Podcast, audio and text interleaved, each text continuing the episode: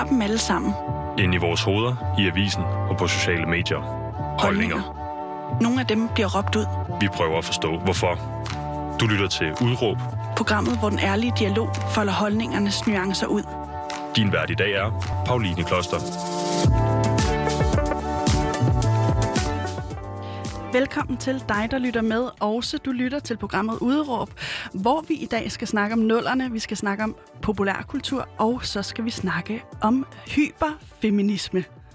Hyperfeminin feminisme, kan man sige det? Ja. Begge dele. Begge dele. Fordi med mig i studiet har jeg dig, Sofie Riese Nors. Velkommen til. Tak. Du er øh, designer, og så er du øh, øh, kunstner. Du bruger blandt andet Instagram til, øh, til at udgive din kunst, og ser det egentlig som et værk. Ja. Og så er du aktuel med en ny bog, der hedder Sex-magasinet, Mm. Volume 1, Volume 1. som udkommer her den 28. maj. Hvordan Korrekt. har du det med at øh, have en udgivelse lige om hjørnet? Det er så vildt. Altså, bare følelsen af, at nu har jeg siddet og, og arbejdet på det her projekt hele 2020, og, øh, og afleveret altså sådan det færdige øh, produkt her i starten af 2021, og at det nu er ved at blive trygt, og den udkommer lige om lidt. Det er så vildt. Nej, det er Fordi så Det, spændende. det er noget, der har eksisteret op i mit hoved i så lang tid nu, og det er noget, der har eksisteret inden for, altså sådan, altså inden for min, altså sådan de fire rammer, som er min verden, og lige om lidt, så skal den ud i den rigtige verden. Og jeg synes også, det er den vildeste fornemmelse, at du har læst den, Ja. eller det meste af den. Ja. Fordi at, altså følelsen af, at alle mine ord, alle mine tanker, jeg har gjort mig om de emner, jeg, jeg, jeg, jeg, jeg kommer ind på i den her bog, det er så vildt, at der er nogen, der sidder og læser mine ord og tolker mine tegninger. Og jeg vil bare sige, at jeg er fuldstændig nede med den her bog. Det er en tegneserie, som handler om et tv-show, hvor øh, Sofie er... Øh, er det dig egentlig? Ja, ja det er mig. Ja, ja. Er hovedkarakteren og ligesom er vært på det her øh, øh, sexmagasinet mm. Tv-show. Ja. Og så kommer man ind på en masse fortællinger undervejs om mm. Både øh, Brad og om øh, øh, Nikolaj Likås og Blinkende Lygter, og vi kan, man kommer vidt omkring. Ja. Ikke? Øh, og særligt med det her fokus med øh, popkulturel øh, indflydelse på. Mm. øh, på vores generation, som jo er millenniums. Ikke? Det er vi. Ved, ved du godt det? Altså, ja, men jeg vil sige, at jeg, jeg, jeg øh, tror, jeg identificerer mig lidt mere med sådan Gen Z. Okay, hvad vil det sige? Altså, Generation Z, det er sådan de der øhm, digitale indfødte. Øhm, og så er Generation Z også bare sådan en, en generation, som er enormt kritiske og altså hele tiden stiller spørgsmål og altså sådan, øh, sådan lærer hinanden, uddanner hinanden øh, og måske øh, er, altså bare er mere kritiske over for sådan det etablerede medie. Øh, Øh, altså, jeg, jeg er sådan på papiret, og ifølge Wikipedia tror jeg, jeg er millennial, millennial for jeg er født i 94. Ja, præcis. jeg Så den tror- er fra 81 til 97. Ja. Så er man millennium. Ja. Øh, men, øh, men jeg køber den anden fuldstændig. Jeg kan, jeg kan også godt genkende den i mig selv. Øh, men vil du ikke lige prøve at... Du er også firebølge feminist, og Mhm. meget, øh, eller alt, man kan sige, at din bog hviler ligesom på funda- fundamentet af at være firebølge feminist. Ja. Vil du ikke lige prøve at beskrive, hvordan det er, du, øh, du er Det- feminist? Jo, altså, øh, jeg plejer altid, når jeg skal definere, hvad fjerbølgefeminisme er, ligesom at stille den lidt i kontrast til. Ikke fordi jeg vil stille det op imod hinanden som godt og dårligt, men øh, jeg føler, at fjerbølgefeminisme står meget i kontrast til den her rødstrømpebevægelse. Øhm, fordi at det rødstrømperne kæmpede for, altså den her anden bølge af, af feminister, øh, det var ligesom for at løsrive sig fra alle de her traditionelle kvinderoller, for ikke at blive øh, altså skåret over øh, med en kam, og, og, og, og at, at, at, altså at man i kraft af, at man var kvinde, så var man ligesom øh, enten øh, mor, øh, husholderske, øh, omsorgsgiver, altså generelt omsorgsgiver, og så et sexobjekt. Og i løsrivelsesprocessen fra, fra de her traditionelle fastbundne kvinderoller, så blev de her kvinderoller gjort til noget, der var antifeministisk, eller noget, som var beset som værende undertrykkende. Altså, så de kvinder, som enten har fundet sig godt tilpas i at være sexsymboler, eller være øh, omsorgsgiver, være, øh, øh, være hjemmegående osv., øh, de blev ekskluderet fra feminismen, øh, fordi at øh, ja, fordi at de ikke var med i den her sådan løsrivelsesproces. Og det at de her øh, kvinderoller, øh, som fjerbølgefeminismen omfavner, som, som fjerbølgefeminismen gerne vil inkludere. Fordi at jeg mener nemlig både, at sexarbejdere og Linse Kessler og øh, altså kvinder, som bærer tørklæde og går med burka, har alle sammen en vigtig plads i feminismen og i kampen for ligestilling. Øh, og, og, og så som, som bogen jo også omhandler, altså den hyperfeminine kvinde. Altså kvinden, som har lange negle og lange øjenvipper og øh, push-up BH og platinblond hår. Altså øh, denne her bimbo, øh, dullen, som, som det hedder på dansk, øh, har også en vigtig plads at spille i, i fjerbølgefeminismen og i kampen for ligestilling. Og det skal vi komme ind på i løbet af den her udsendelse, alt det du lige har beskrevet der faktisk, og hvordan din rejse ind i det her med mm. at blive fe- feminist har været. Mm. Øhm, først skal vi lige øh, sige dit udråb.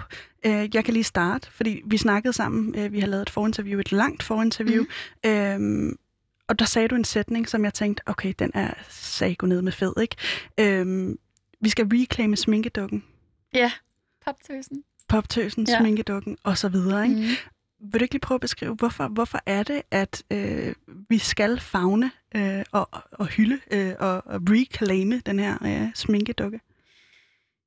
Altså, det, det tror jeg, der, der er lidt forskellige årsager til. Altså, jeg har selvfølgelig øh, et personligt incitament, og så har jeg sådan mere øh, generelt øh, incitament. Og altså, jeg tror, at altså, da jeg var sådan i min spæde teenageår, i sådan min præpubertet, der øh, var jeg totalt poptøs. Og jeg synes, jeg var... Jeg, altså, jeg havde helt... Altså, i, hvis der er nogen, der lytter med her, så, og I kan huske 2005, 6, 7, dengang alle gik med altså sådan bruncreme, hvor det nærmest lignede kanten, altså sådan, du ved. kanten. Mm. Den lavede jeg også med vilje. Altså jeg ved seriøst ikke, hvad jeg tænkte på dengang. men jeg, men jeg, jeg havde sådan bruncreme, og jeg var sådan vidderligt sådan, den skal kun gå hertil. Ej, var det, var det, var jo, det var jo viben dengang. Det var total viben. Vi skrev hinandens titelbog. Vi fik en Nokia ja. 3310, og det, dem, der husker det, husker det altså, fordi det var, øh, øh det var great times. Ja. Øhm, nu beskrev du lige, hvordan du så ud, ikke? Ja. Og jeg kunne godt tænke mig lige at blive hængende der. Altså, mm. øhm, fordi du var også præget, en ting, der også går igen i din bog, men som vi også snakker om her, det er nemlig de her med kulturfænomener. Mm. Øhm, hvordan var din barndom præget af de her kulturfænomener? Kan du huske, kan du huske noget? Ja, altså, øh, jeg kan huske øh, rigtig meget altså sådan fra, fra musik. Altså, men man så ikke så mange checkflicks, da man var barn, men altså, radioen kørte jo hele tiden, og så var der jo også de her banger, som, som man hørte som barn. Og da jeg var sådan i 10 år, tror jeg, der fik jeg øh, Britney Spears' Greatest Hits, hvor hun stod i sådan øh, hotpants og en pelsvest, og så helt olieret. Mm-hmm. I'm a slave for you, er det den? Øh, ja, både I'm a Slave for You var på Boys og øh, Toxic, øh, og altså bare alle de øh, hits, hun havde der i, omkring 2004, tror jeg, det var, den kom ud. Og øh, det var jo bare mit yndlingsalbum. Jeg fik også øh, Monkey Business med øh, Black Eyed Peas. Mm-hmm. Øh, også fed. Og vir- virkelig et legendarisk album. Øh, og det hørte jeg jo selvfølgelig bare på repeat, de der album.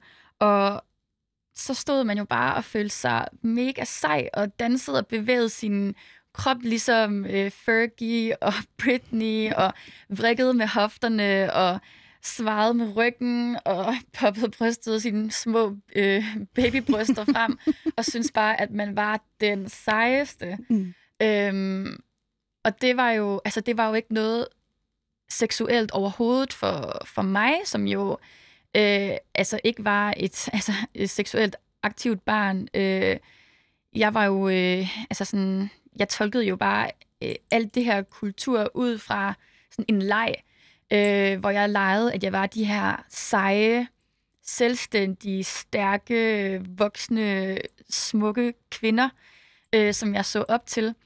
Og øh, som jeg også beskriver i bogen, så var der på et tidspunkt i 5. klasse, hvor jeg og fire-fem andre piger, vi optrådte til morgensamling foran resten af mellemtrinnet med My Humps, med en øh, koreografi, som nogle af de der piger, de havde lært på sådan noget øh, sådan en danseskole, de gik på. Jeg så bare lige hoppet med ind. Og så stod vi bare der, I drive these brothers crazy, I do it on the daily. og, og, men altså, det var bare, og vi følte os bare så cool, altså vi følte bare, at vi ejede, altså vi ejede bare vores krop, og vi var bare girlfriends, vi var bare veninder, og vi havde bare hinandens ryg, og der var bare ikke nogen af de her drenge, der skulle touch up on our lumps. altså. og fik I nogen kommentarer? Fordi jeg tænker, altså det er jo, øh, man, man ser det også stadig, ikke, at unge, altså jeg kan huske, min ja. lillebror gik på stranden for nogle år siden, øh, I'm sexy and I know it, mm. altså i sådan fem års størrelse, ikke? Men man ser jo stadig, at øh, børn tager de her meget seksuelle ting på sig, og ja. det er stadig noget, der bliver diskuteret, ikke? Ja. Øh, var der nogen af lærerne eller nogen af jeres forældre, der kommenterede, at I øh, claimede den her sådan meget øh, seksuelle attitude? Nej, altså jeg kan faktisk ikke huske, der var nogen lærere, der kommenterede lige netop på my humps, men jeg kan til gengæld huske, at at øh, jeg havde købt et par lyserøde Everlast hotpants på min blå mandag, som jeg så havde taget på sådan umiddelbart efter blå mandag. Altså, det var nok lidt for koldt faktisk til at have hotpants på, men de var simpelthen så seje, og jeg ville virkelig ønske, at jeg stadig havde dem den dag i dag, men der var der faktisk en lærer, der kom hen til mig efter skoletid, hvor jeg var på vej hjem fra skole, og var sådan, at de der shorts ikke lidt for korte. Mm. Oh my god, det var så pinligt. Mm. Jeg skammede mig bare så meget, og altså, jeg havde jo ikke tænkt, at ja, altså, jeg, jeg følte mig jo bare cool. Altså, for mig, der var de her hotpants bare sådan symbol på, på altså sådan på, på, på, jeg følte jo ligesom, at de identificerede mig, og jeg, synes, at de var, de var seje, og jeg lignede de, øh, de kvinder, jeg så op til. Mm. Og så der kom sådan en voksen hen og, og shamede mig. Mm. Blandet, virkede. blandet sig i dit udtryk.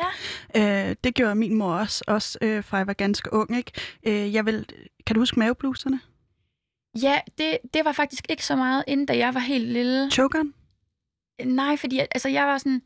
Altså, jeg startede i folkeskole 00. Okay.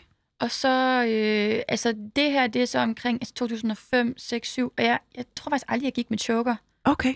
Nå, men, vildt nok. Den, den stil kørte jeg, og så ja. med en mavebluse, men jeg måtte ikke have bare mave, så jeg havde en uldundertrøje på mm. øh, indenunder øh, det var jeg jo ikke så tilfreds med, men hvordan var du klædt allerede fra en tidlig alder, eller adopterede du ligesom nogle af de der, nu beskrev du hotpantsene, men, mm. øh, men kan du prøve at beskrive, hvordan du øh, udtrykte dig gennem dit tøj? Ja, altså, jeg vil så lige sige, at jeg kan godt huske, jeg var en af de første piger i min klasse til at få bryster. Altså, det var bare sådan nogle små pyramider, sådan nogle... Nærmest bare en kirtel. Ja, de, det var faktisk mere end det. Okay. Øh, jeg var ret tidligt ude med de bryster, og... Øh, jeg ville rigtig gerne gå med BH. Øh, det var der også overhovedet ikke nogen grund til, vel, men det var jo bare sådan, jeg var bare hardwired til brystet. De går hånd i hånd med BH. Øh, og min mor var meget sådan, nej, du skal altså gå med undertrøje. Øh, og jeg kan huske første gang, hun gav mig lov til at få noget, der bare mindede om en BH. Det var så, det var så sådan en, en, det var ikke en, altså det var sådan en undertrøje, men så med noget elastik lige under brystet. Og jeg var bare sådan, god, jeg har boobies. men jeg var ikke særlig gammel der, altså det er bare sådan noget 10-11 år, men derfra gik det bare mega hurtigt. Altså jeg kan huske, at jeg fik min første Snoopy BH. Oh my god, en A-skål mm-hmm. med kæmpe push-up. Jeg mm-hmm. følte mig mhm. bare So så hot. So hot, ja. altså. Hvad med uh, G-strengene? Hvornår begyndte de at komme ind i dit liv? Jeg kan huske, at det var før jeg måtte i hvert fald, så jeg vaskede dem i hånden. det var rigtig meget sådan ude af mine forældres kontrol. Det der, fordi at lige så snart jeg fik lov til at tage Tarup Centeret, jeg kommer jo fra lidt uden for Odense, lige så snart jeg fik lov til at gå i Tarup Centeret, og jeg havde et ungdomsjob, fra jeg var, altså fra jeg var 13 år gammel, så jeg havde også penge, altså sådan selv, der jeg kunne øh, selv bestemme over, så købte jeg øh, Levi's g og et par Calvin Klein g Så jeg havde okay. fire g i alt. Wow, ja. girl. Ja. So cool. Ja, mærke og mærkevare jo. ja, det er det, som stadig er aktuelt, i hvert ja, fald. Altså, det er, jeg vil sige, det ene par Levi's g det smed jeg faktisk først ud for nylig. Ja, og, og der, de har holdt hende endnu. jeg vil ikke sige, at de holdt det, men det har været sådan en minde. Altså, der var huller i, og jeg tænkte, ej, de, det er min første G-streng. Men de er røget ud nu.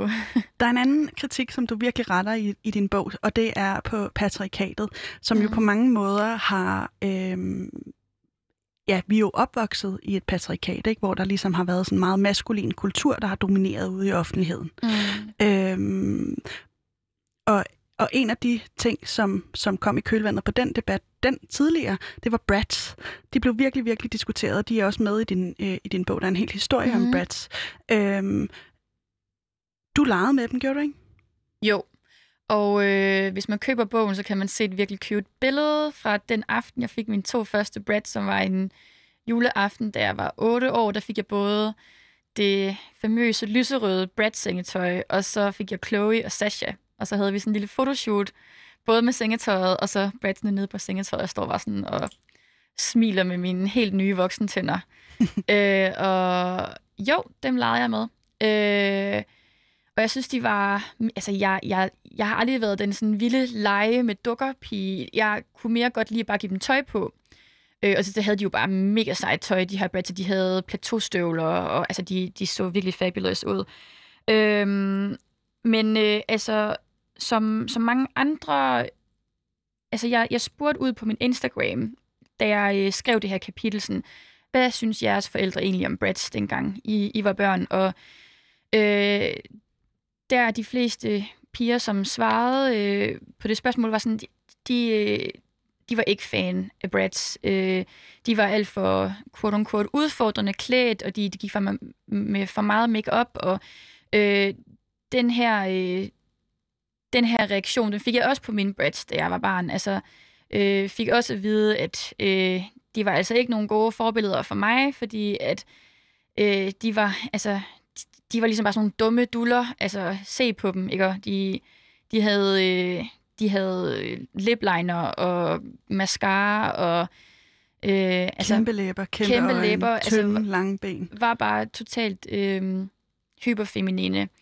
Øh, så det var ligesom om, da, da jeg fik den her reaktion på de her breadstukker, som jeg virkelig adored, det var ligesom, at der var noget, der skiftede ind i mig.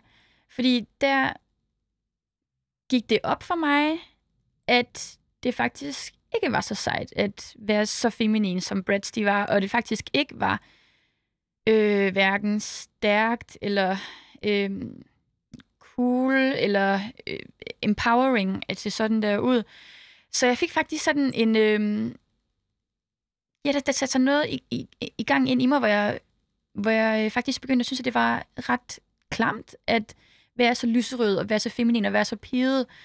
Øhm, og så udviklede jeg det her, som jeg også kommer ind på i, i min bog, det her, der hedder femofobi, som er hadet mod det feminine. Hvor jeg også udviklede den her sådan, I'm not like the other girls. Altså sådan, jeg, jeg havde ikke lyst til at, at være en pige, fordi det var ikke sejt at være en pige. Jeg havde ikke lyst til at være feminin, for det var ikke sejt eller stærkt at være feminin. Øh, og de eneste piger, jeg, jeg sådan set i, en, i en kort periode, skifter jo meget hurtigt, når man er barn og sådan noget, men, men, men jeg havde det sådan, at jeg, jeg ville kun ligesom være venner med de piger, som heller ikke rigtig gad pigede ting, som ikke snakkede om make-up og drenge og sådan noget. Jeg ville bare gerne have sådan nogle piger, der bare gerne ville klatre i træer, klatre, med, klatre i træer og køre mooncarts så hårdt ind i hinanden som muligt, og hoppe ind i buske og sådan noget. Det var jeg så også der. så godt genkende det der. Ja, men jeg vil så sige, at det var så også der, jeg begyndte at tegne rigtig, rigtig meget manga. Er det rigtigt? altså, ja, vi var sådan en lille squat i min, i min folkeskoleklasse, hvor vi gik til manga-kurser. Altså bare, vi var sådan tegneholdet. Så hvad gjorde det? Altså, fordi jeg tænker, at det bevæger sig vel også i sådan hyperfeminint univers. I hvert fald noget af det, ikke? Nej, fordi altså ikke det univers, jeg var i. Øh, jeg elskede Dragon Ball Z. Jeg fucking elskede Dragon Ball. Øh, min mor havde, at min lillebror og jeg altid ville se det i fjernsynet lørdag morgen, fordi det eneste, de sagde, var bare sådan aggressiv, maskulin skrigelyde. Men altså, jeg læste så også tegneserierne, men jeg, det var sådan den manga, jeg var into. Øh, min veninde, hun læste øh, de der, ja, mere sådan feminine, sådan, jeg kan ikke huske, hvad de hedder, men men ja, de der meget sådan fairy goddess-agtige mangaer, men dem, dem, dem gad jeg ikke læse, fordi at det var for piget. Du havde afstand. Jeg var til Dragon Ball. Hvordan øh, med, sådan, med, med din nu firebølge feministiske mm. briller på din opvækst, hvordan kan du så se, at du har været et produkt af patriarkatet? Eller kan du det? Altså, både ja og nej, fordi øh, altså som jeg også kommer ind på i bogen, jeg, jeg har fået lov til at bruge nogle TikToks fra en virkelig, virkelig nice TikToker, som hedder Faux Rich, som er en, øh, altså hun kalder sig selv for en New Age bimbo. Og jeg har fået lov til at citere nogle af hendes TikToks, hvor hun blandt andet også siger, at selvom at altså bimbo-æstetikken og hyperfeminitet er et produkt af the male gaze, så det er ikke nødvendigvis motivationen for bimbos og, og feminine personer at, at performe femininitet på den måde i dag. Male gaze er mandens blik ja. på kvinder. Ja, det, ja præcis. Øh, det er ligesom... Øh, det er, ja, præcis. Det er det mandlige blik. Mm. Og øh, jeg tror lidt, jeg har det på samme måde. Altså, øh, fordi at jeg blev præsenteret for den her meget feminine, meget seksuelle kvindefigur, øh, kvindeideal, da jeg var barn. Altså Pussycat Dolls og Paris Hilton og nogle meget seksuelle øh, kvinder. Og for mig, der, øh, der så jeg det... Jeg, jeg havde selvfølgelig godt en idé om, at det var noget seksuelt, men jeg var jo... Altså sådan... Fordi jeg var et barn, var jeg jo ikke klar over, at det også kom med en downside, fordi for mig, der var det jo bare empowering og sejt at have den her, øh, at, at altså, sådan, tage ejerskab, performe den her, altså ens egen seksualitet. Øh, men tilbage til, om jeg er et produkt af the male gaze. Man kan sige, at når man ser de her ting, så tolker man det jo også individuelt, og man, men altså, som barn, så ser man jo det her helt bogstaveligt, og så bliver det jo til noget nyt fordi at man selv begynder at komme det ind i sin, sin egen kontekst og i sin egen verden. Øhm, så jeg har taget nogle ting til mig, som er produkt af the male gaze, men jeg har ikke, jeg tror ikke nødvendigvis, at det er the male gaze, der har været motivationsfaktoren for, at jeg performede det, hvis det giver nogen mening, det jeg siger. Altså, jeg prøver lige at, at, at gentage det, bare lige så jeg er sikker på, at jeg forstår mm. det rigtigt, ikke? Men, men, men at du også på et tidspunkt begynder at klæde dig sådan øh, hyperfeminint, altså ja. specielt at du kommer op i sådan teenageperioden, eller sådan 13-ish. Øhm, det var ikke fordi, at du prøvede at tilfredsstille det mandlige blik, om man vil. Det var fordi, det var inkorporeret i dig. Mm. Er, det, er det sådan, jeg skal forstå det? Ja, helt klart. I, altså i starten, ja, da, da jeg kom længere op i puberteten, og det gik op for mig, at at øh, mænds anerkendelse af, hvordan jeg så ud, det betød noget. Øh, ikke nødvendigvis for mig, men det lærte jeg jo, at det, det gjorde det. Øh, øh, der begyndte jeg at performe det for mænd. Men altså, når vi tænker tilbage på de der 9, 10, 11, 12 år, der var det helt sikkert min egen identitetsdannelse, der var motivationsfaktoren, og ikke at skulle imødekomme mænds begær, eller mm. hvordan mænd gerne ville have, at jeg skulle se ud. Ja. Øh, og som så mange andre, så begynder du jo at klæde dig på en helt bestemt måde, også da du er teenager. Øh, Make-up-kanten snakkede vi. Øh, hvordan så du ellers ud? Kan du prøve at give et, et blik af, hvordan en, en, en, en 13-årig Sofie så ud? Altså, jeg havde rigtig meget eyeliner og mascara på. Mm-hmm. Jeg barberede mine øjenbryn tynde, fordi de skulle jo være tynde, og jeg har faktisk ret tykke øjenbryn. Jeg havde selve hårene i min, på mine øjenbryn er mega tykke, så det var virkelig bare shave det var, for, det var i, i jo et mega svært at, at forme dem, fordi det at de var så tykke.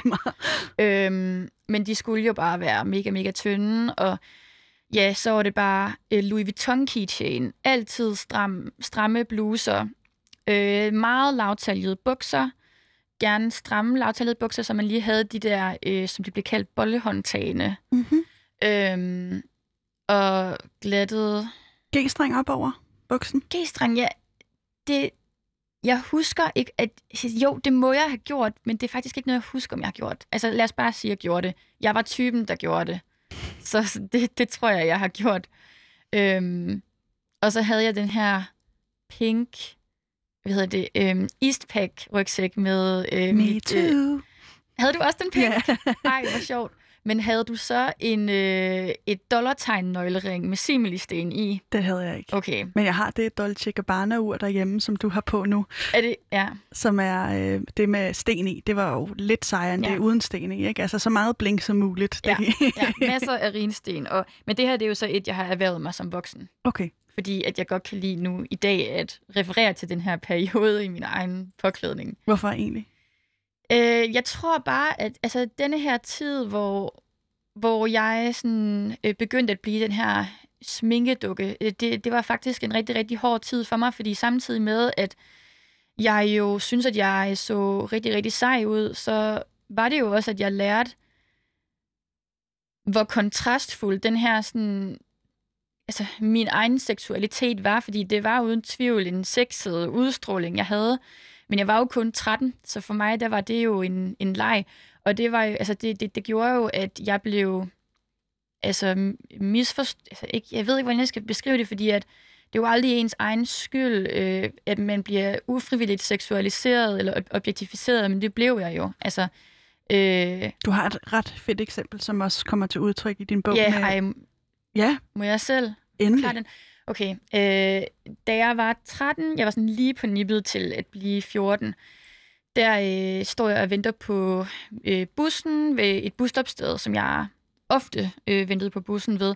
Og øh, det var ved sådan en meget trafikeret hovedvej, hvor der ofte kør- kørte lastbiler forbi, og ikke fordi, at det øh, betyder noget, men det var vinter, jeg havde dynejakke på, og, og, og bare stramme bukser. Jeg, jeg var jo bare sådan en lille 13-årig øh, øh, barn, som stod der.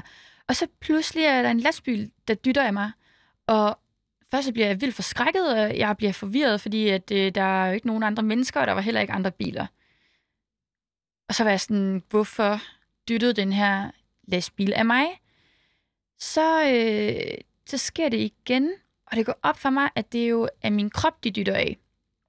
Og øh, i det, det går op for mig, at det er min krop, så tænker jeg, okay, lad mig, lad mig lige undersøge det her, så jeg, jeg øh, begynder at skyde, lidt, øh, skyde min hofte ud, skyde brystet frem, og så lave det her dogface, øh, så snart jeg kunne se, der kom en anden øh, lastbil kørende, og ganske vist, så dyttede lastbilen af mig. Så jeg fik faktisk øh, sådan en følelse af, at okay, jeg, jeg har faktisk magt over de her lastbiler, jeg kan få dem til at dytte, hvis jeg vil.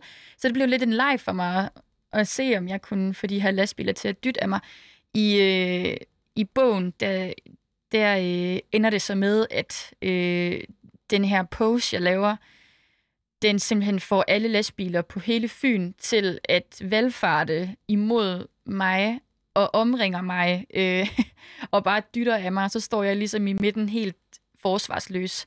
Øh, pointen med, at jeg øh, har ladt det gå så vidt i min bog, det er jo, at at det her, det var et øjeblik, hvor jeg, hvor jeg indså, hvor kontrastfuld min seksualitet var, fordi den både gav mig den her magt, den gav mig mulighed for at, at kunne kontrollere mænd på en måde, øh, altså få dem til at gøre, hvad jeg vil, men så snart, at jeg mister den her kontrol, så bliver det rigtig farligt for mig. Øh, altså, det, det, det er en, en kompleks størrelse at have en krop og være kvinde, i et, i et samfund, som er, er styret af mænds begær. Fordi du, du, kan ikke, du kan aldrig bare være din krop. Du kan aldrig bare være øh, et seksuelt menneske, uden at det bliver set i forlængelse af, at du er en kvinde, og at der er en mand, som gerne vil dytte af dig. Hvordan synes du, det kommer til udtryk ud over den her situation, at samfundet er styret af mænds begær?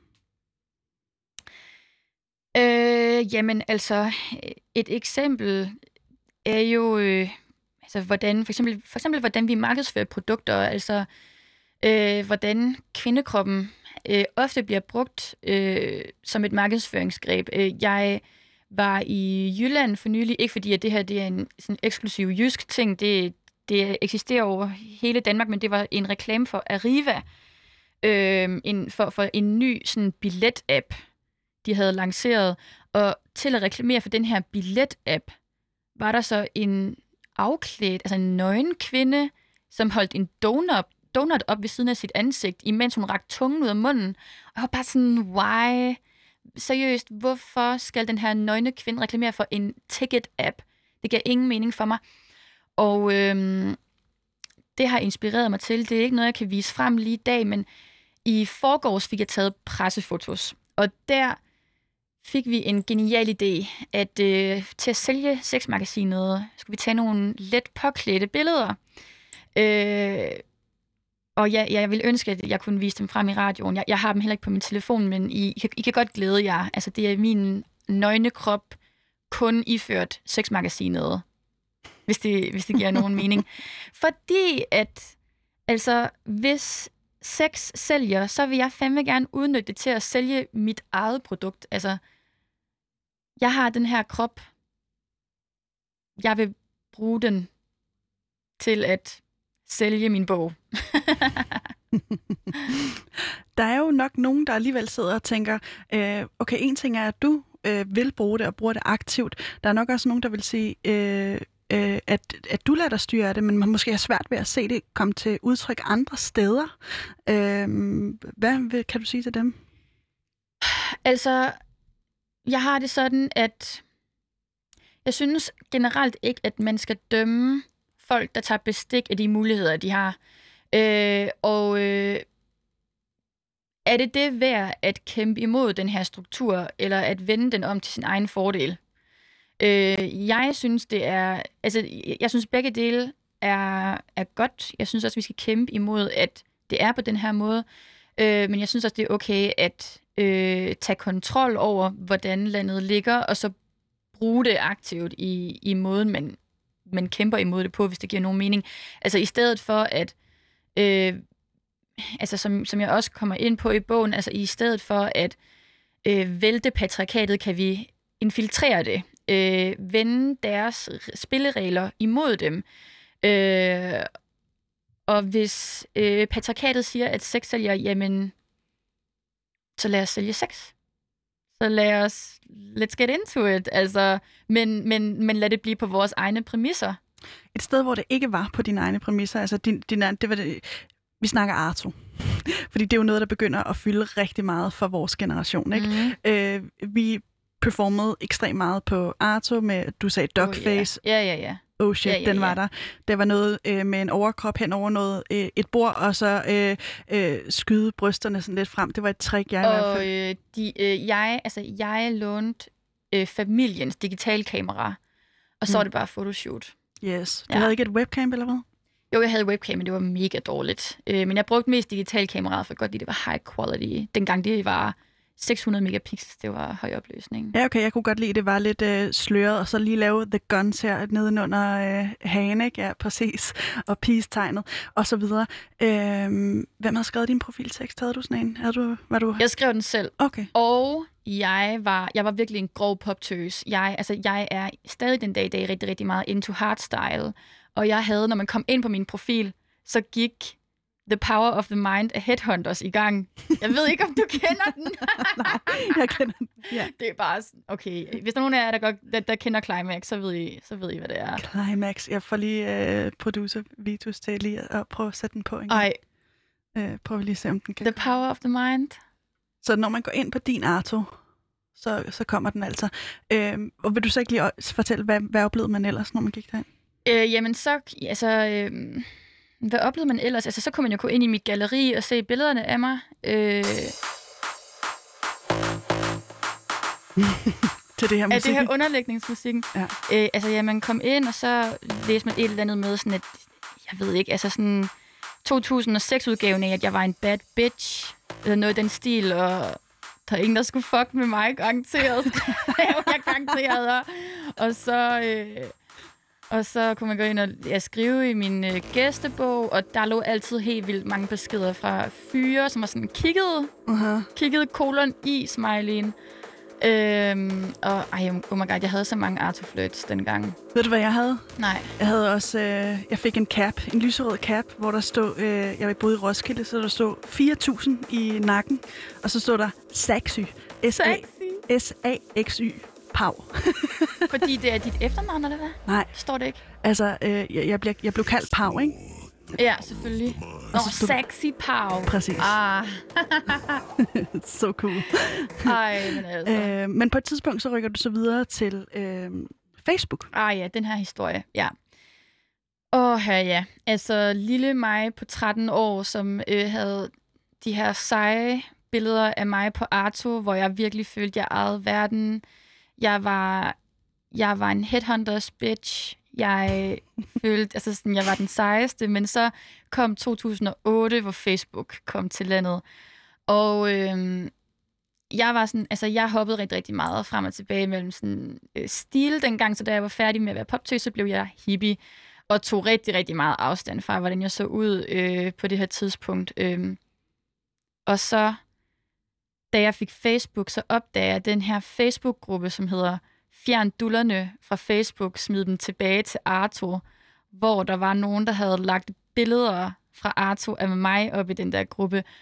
Og jeg, altså, jeg er 14 år på det her tidspunkt. Og folk, de svinede mig bare så meget til, og skrev, at jeg var klam, og at jeg skulle smides tilbage på Arto, og altså, det var virkelig forfærdeligt, og jeg gik så meget i panik, og jeg, altså sådan, jeg, jeg kunne huske, at jeg kommenterede på det der billede, jeg var bare sådan, jeg var bare sådan helt vildt undskyldende over for, at jeg havde set sådan ud, og var sådan, det her det er mig, men jeg ser altså ikke sådan her ud længere, og jeg følte bare virkelig, at jeg sådan skulle forsvare mig. Jeg anmeldt billedet, jeg anmeldt ham, der havde lavet gruppen, og altså, jeg, altså gruppen eksisterer ikke længere, men oh my god, jeg blev seriøst forskrækket. Og du kom med i en sang? Åh oh, ja. Yeah.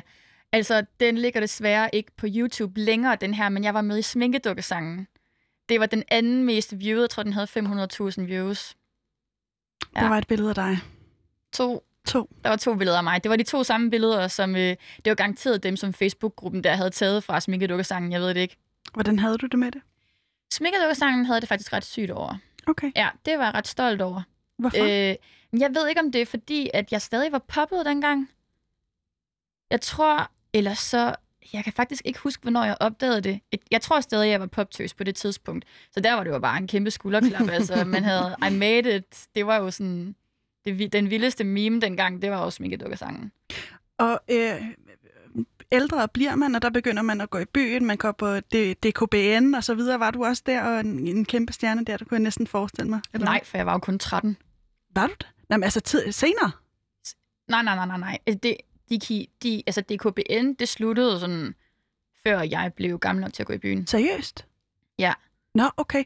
Fordi jeg er jo kun to år ældre end dig, så det er alligevel utroligt, at jeg har, jeg har nået det. Altså, jeg er øh, fuld oven. Eller, eller så har jeg bare været så langt væk mentalt fra DKBN, da jeg blev gammel nok til at gå i byen, at jeg slet ikke... Altså, jeg har aldrig været derinde. Altså, jeg har ikke været, der har ikke været billeder af mig derinde. Okay, så har vi det på det rene. Men det, jeg godt kunne tænke mig at nå frem til med den her snak, det er, at du også på en eller anden måde, eller på mange måder, er blevet dømt på dit udseende. Mm. Jeg var på et, øh, jeg var på DKBN, og jeg var meget poppet også dengang.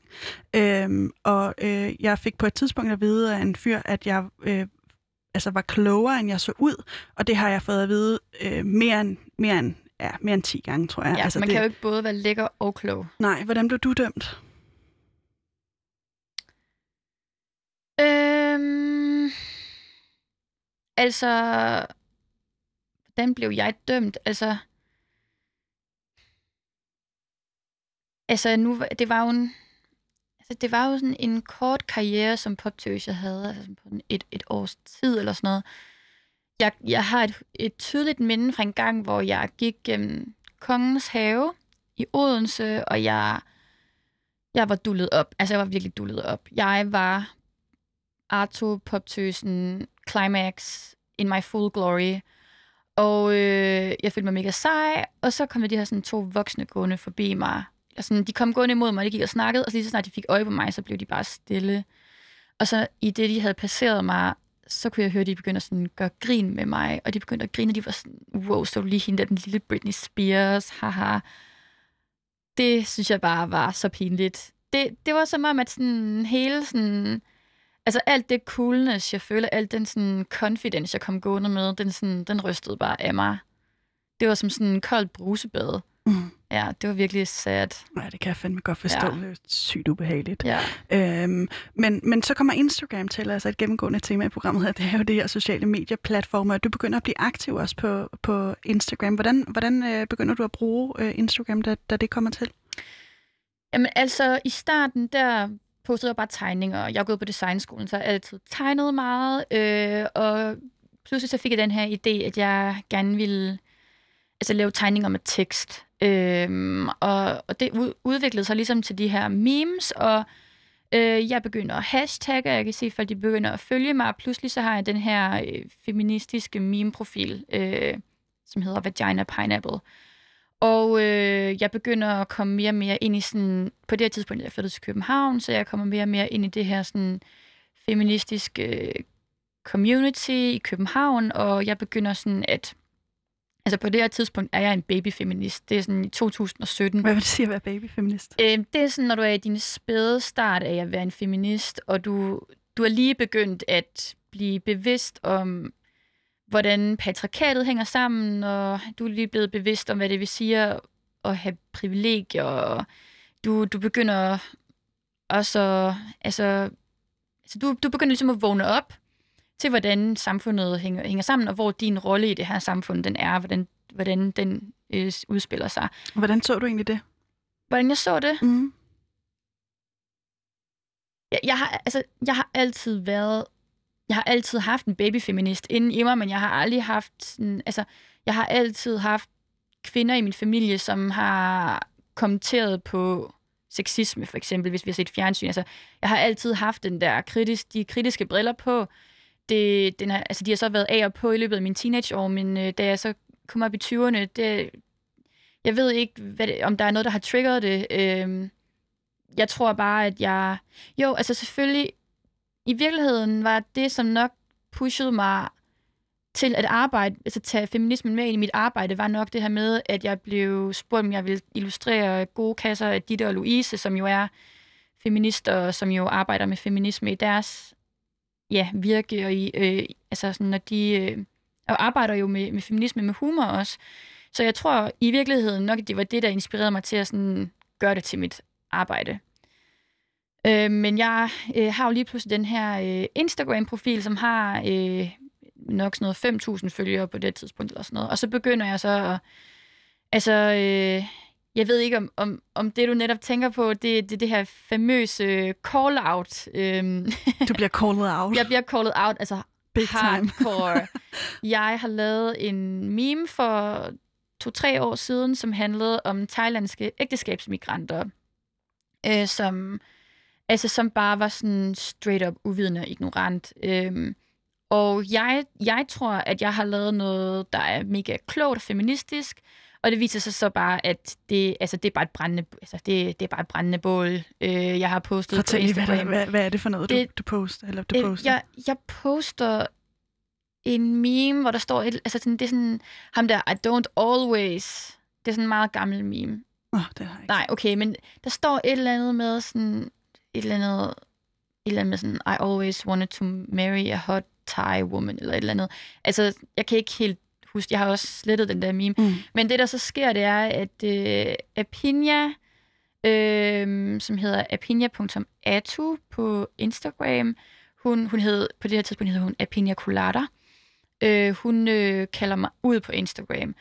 Og hun, øh, altså den kritik, hun stiller, det er, at øh, altså for det første, hun er fucking træt af, at hvide kvinder, de øh, som, som øh, claimer at være feminister, de udtaler sig om ting, de ikke altså, har en dyt forstand på, og at øh, det, det gør meget mere skade end gavn, og at, øh, ja, at det, er bare, altså, det er bare heartbreaking, hvordan øh, altså sådan, ja, hvide kvinder som jeg, som har en, altså også en betydelig platform, som har, altså som, som folk de lytter til, de altså, bruger deres stemme på at udtale sig om ting, de ikke, øh, de ikke har sat sig ordentligt ind i.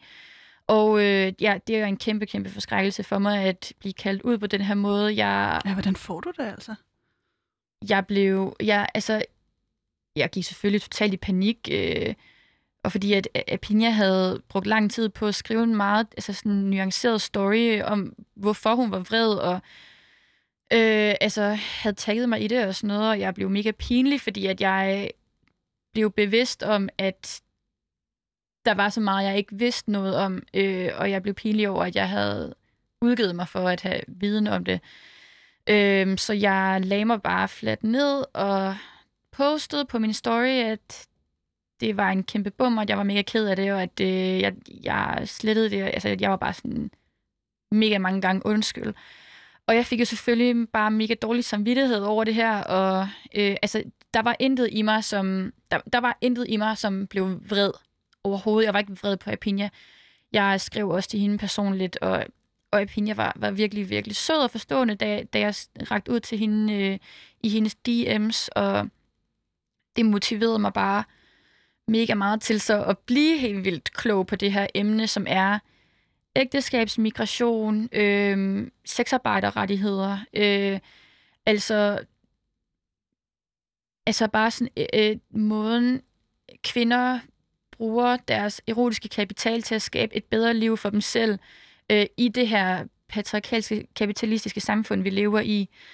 Øhm, og ja, skip forward til i dag. Apina er en af mine allerbedste venner, og jeg, altså sexarbejderrettigheder er nok min feministiske mærkesag. Øh, altså i, øh, i hånd i hånd med den her øh, hyper, den hyperfeminine øh, øh, performance. Øh, Øh, og faktisk sådan lidt tilbage til det aller, aller første, vi kom ind på i dag, det er nogle af de her kvinderoller, der er blevet ekskluderet fra feminismen, som feminismen ikke har øh, budt velkomne. Øh, der er det her, øh, den her forkortelse, som hedder SWERF, som øh, står for Sex Worker Exclusionary Radical Feminists. Altså, øh, den feministiske bevægelse imod sexarbejder har simpelthen fået et, sit eget navn.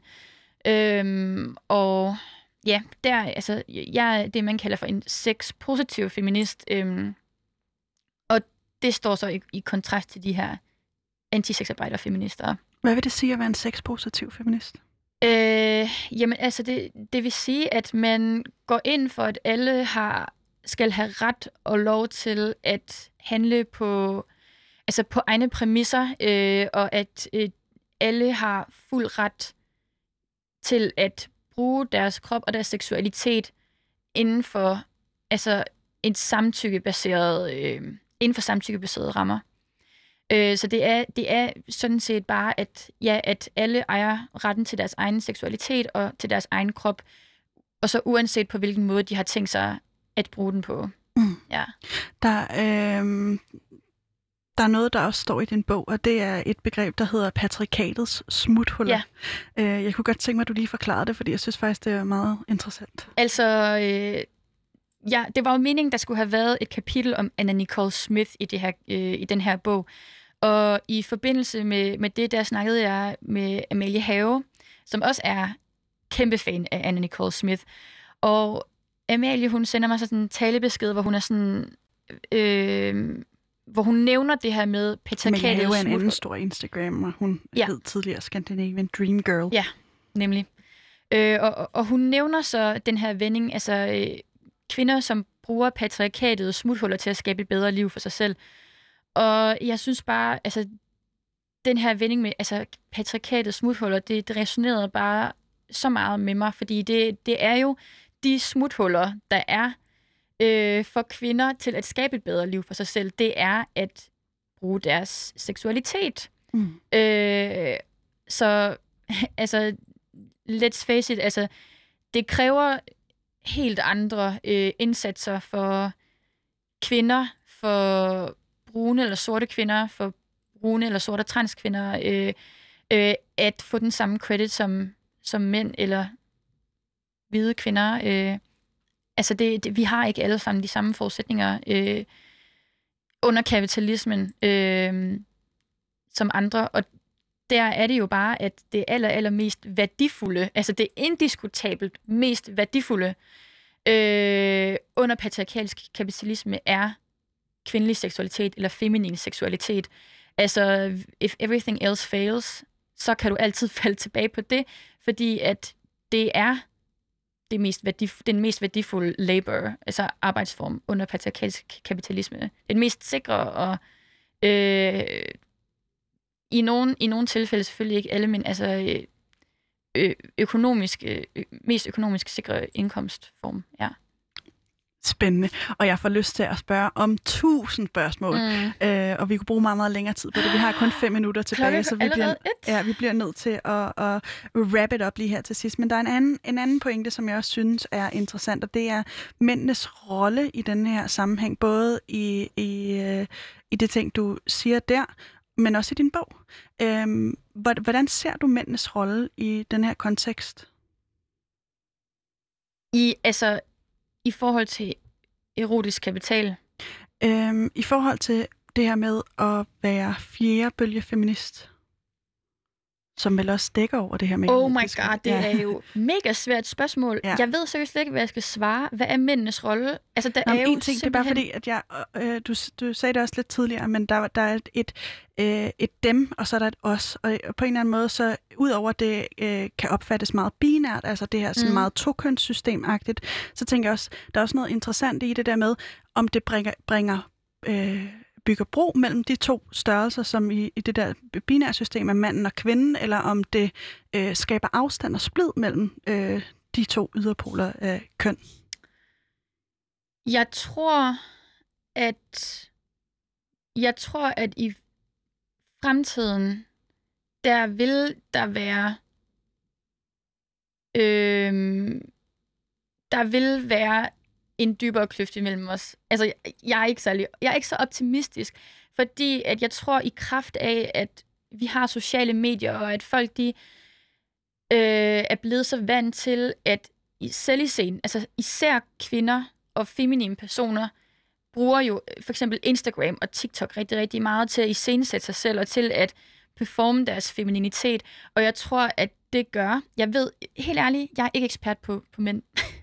jeg ved ikke, hvad mænd de laver. Jeg ved, jeg ved kun, hvad, hvad, hvad, hvad vi kvinder og feminine personer laver. Og vi er altså på Instagram. Og jeg tror, at i kraft af, at vi er til stede på Instagram, der er noget, der er selvforstærkende i det. Jeg tror, at femininitet, hyperfemininitet, vil blive en mere og mere normal ting i fremtiden, fordi at vi er i et rum, hvor det betyder så meget, altså på de sociale medier, hvor det visuelle, det, det er så øh, cen- centralt. Så jeg tror, der kommer til at være dybere kløft. Øhm, ja, I'm sorry, at jeg ikke kan sådan slutte på en high note. det er selvfølgelig en mega high note, at øh, det feminine bliver mere og mere centralt i vores samfund. Men er det ikke ærgerligt, hvis der også bliver skabt, skabt en, en, en grøft, hvor mændene jo lige nu også har øh, øh, forlommen? Jo, jeg ved slet ikke, hvad jeg skal sige. Altså jo, det, det er jo mega ærgerligt. Øh, jeg vil ønske, at mændene de bare ville følge efter, og ikke være så modvillige. Øh, altså, os søde feminister, som også er eks-poppiger fra Arto, vi er de popduller, I skrev til på Arto, guys. Vi vælger faktisk bare det bedste. Altså, sådan, vi vil jo ikke straffe jer. Vi vil også gerne have, at I skal kunne snakke om jeres følelser og gå til psykolog uden at skamme jer, og vi vil gerne hjælpe jer. Så I ikke er overrepræsenteret i og misbrug I- osv. Så videre, så videre, ikke? Exakt. Jeg vidste ikke, lige, om jeg ville nævne det, fordi det gør lidt triggering, men det er mænd jo bare. Ja. Altså.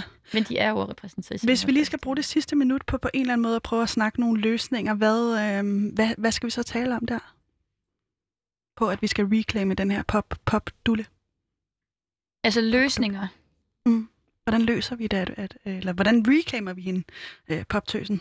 Altså, jeg, jeg synes jo, at, altså, at reclaime, at, at tage ejerskab over noget, der er blevet taget fra en, det gør man jo aller, allerbedst ved at gøre det, hvis det giver nogen mening. Øh, og det var også det, jeg nævnte før. Jeg elsker at referere tilbage til den her periode i mit liv i dag, fordi at i dag der er jeg et sted, hvor jeg har kontrol over mig selv, og jeg føler, jeg er i kontrol over måden, jeg vil opfattes. Øhm, så jeg tror, at den aller, allerbedste måde at reclaim poptøsen på, det er at være hende. Sæt hende ind i den nye kontekst, du er i. Vis, at hun er et helstøbt, åndeligt menneske med en sjæl, og ikke bare den dumme dulle, som hun har fået påduttet sig. hver poptøsen. Sådan lød det altså. Det bliver ordene for i dag. Sofie Riese Nors, tusind tak, fordi du var min gæst i dag. Jeg tak håber, din bog. Sexmagasinet, bliver pensum på alle øh, landets øh, 9. klasses pensum. Oh my god, Øhm, det er så pænt sagt. Programmet er produceret af Rakkerpak Productions. Jeg hedder Pauline Kloster, og produceren var Vitus Robak. Tusind tak, fordi du har brugt en time i selskab med Det os. er, gået, det er gået lynhurtigt. det er gået lynhurtigt. Tusind tak for nu.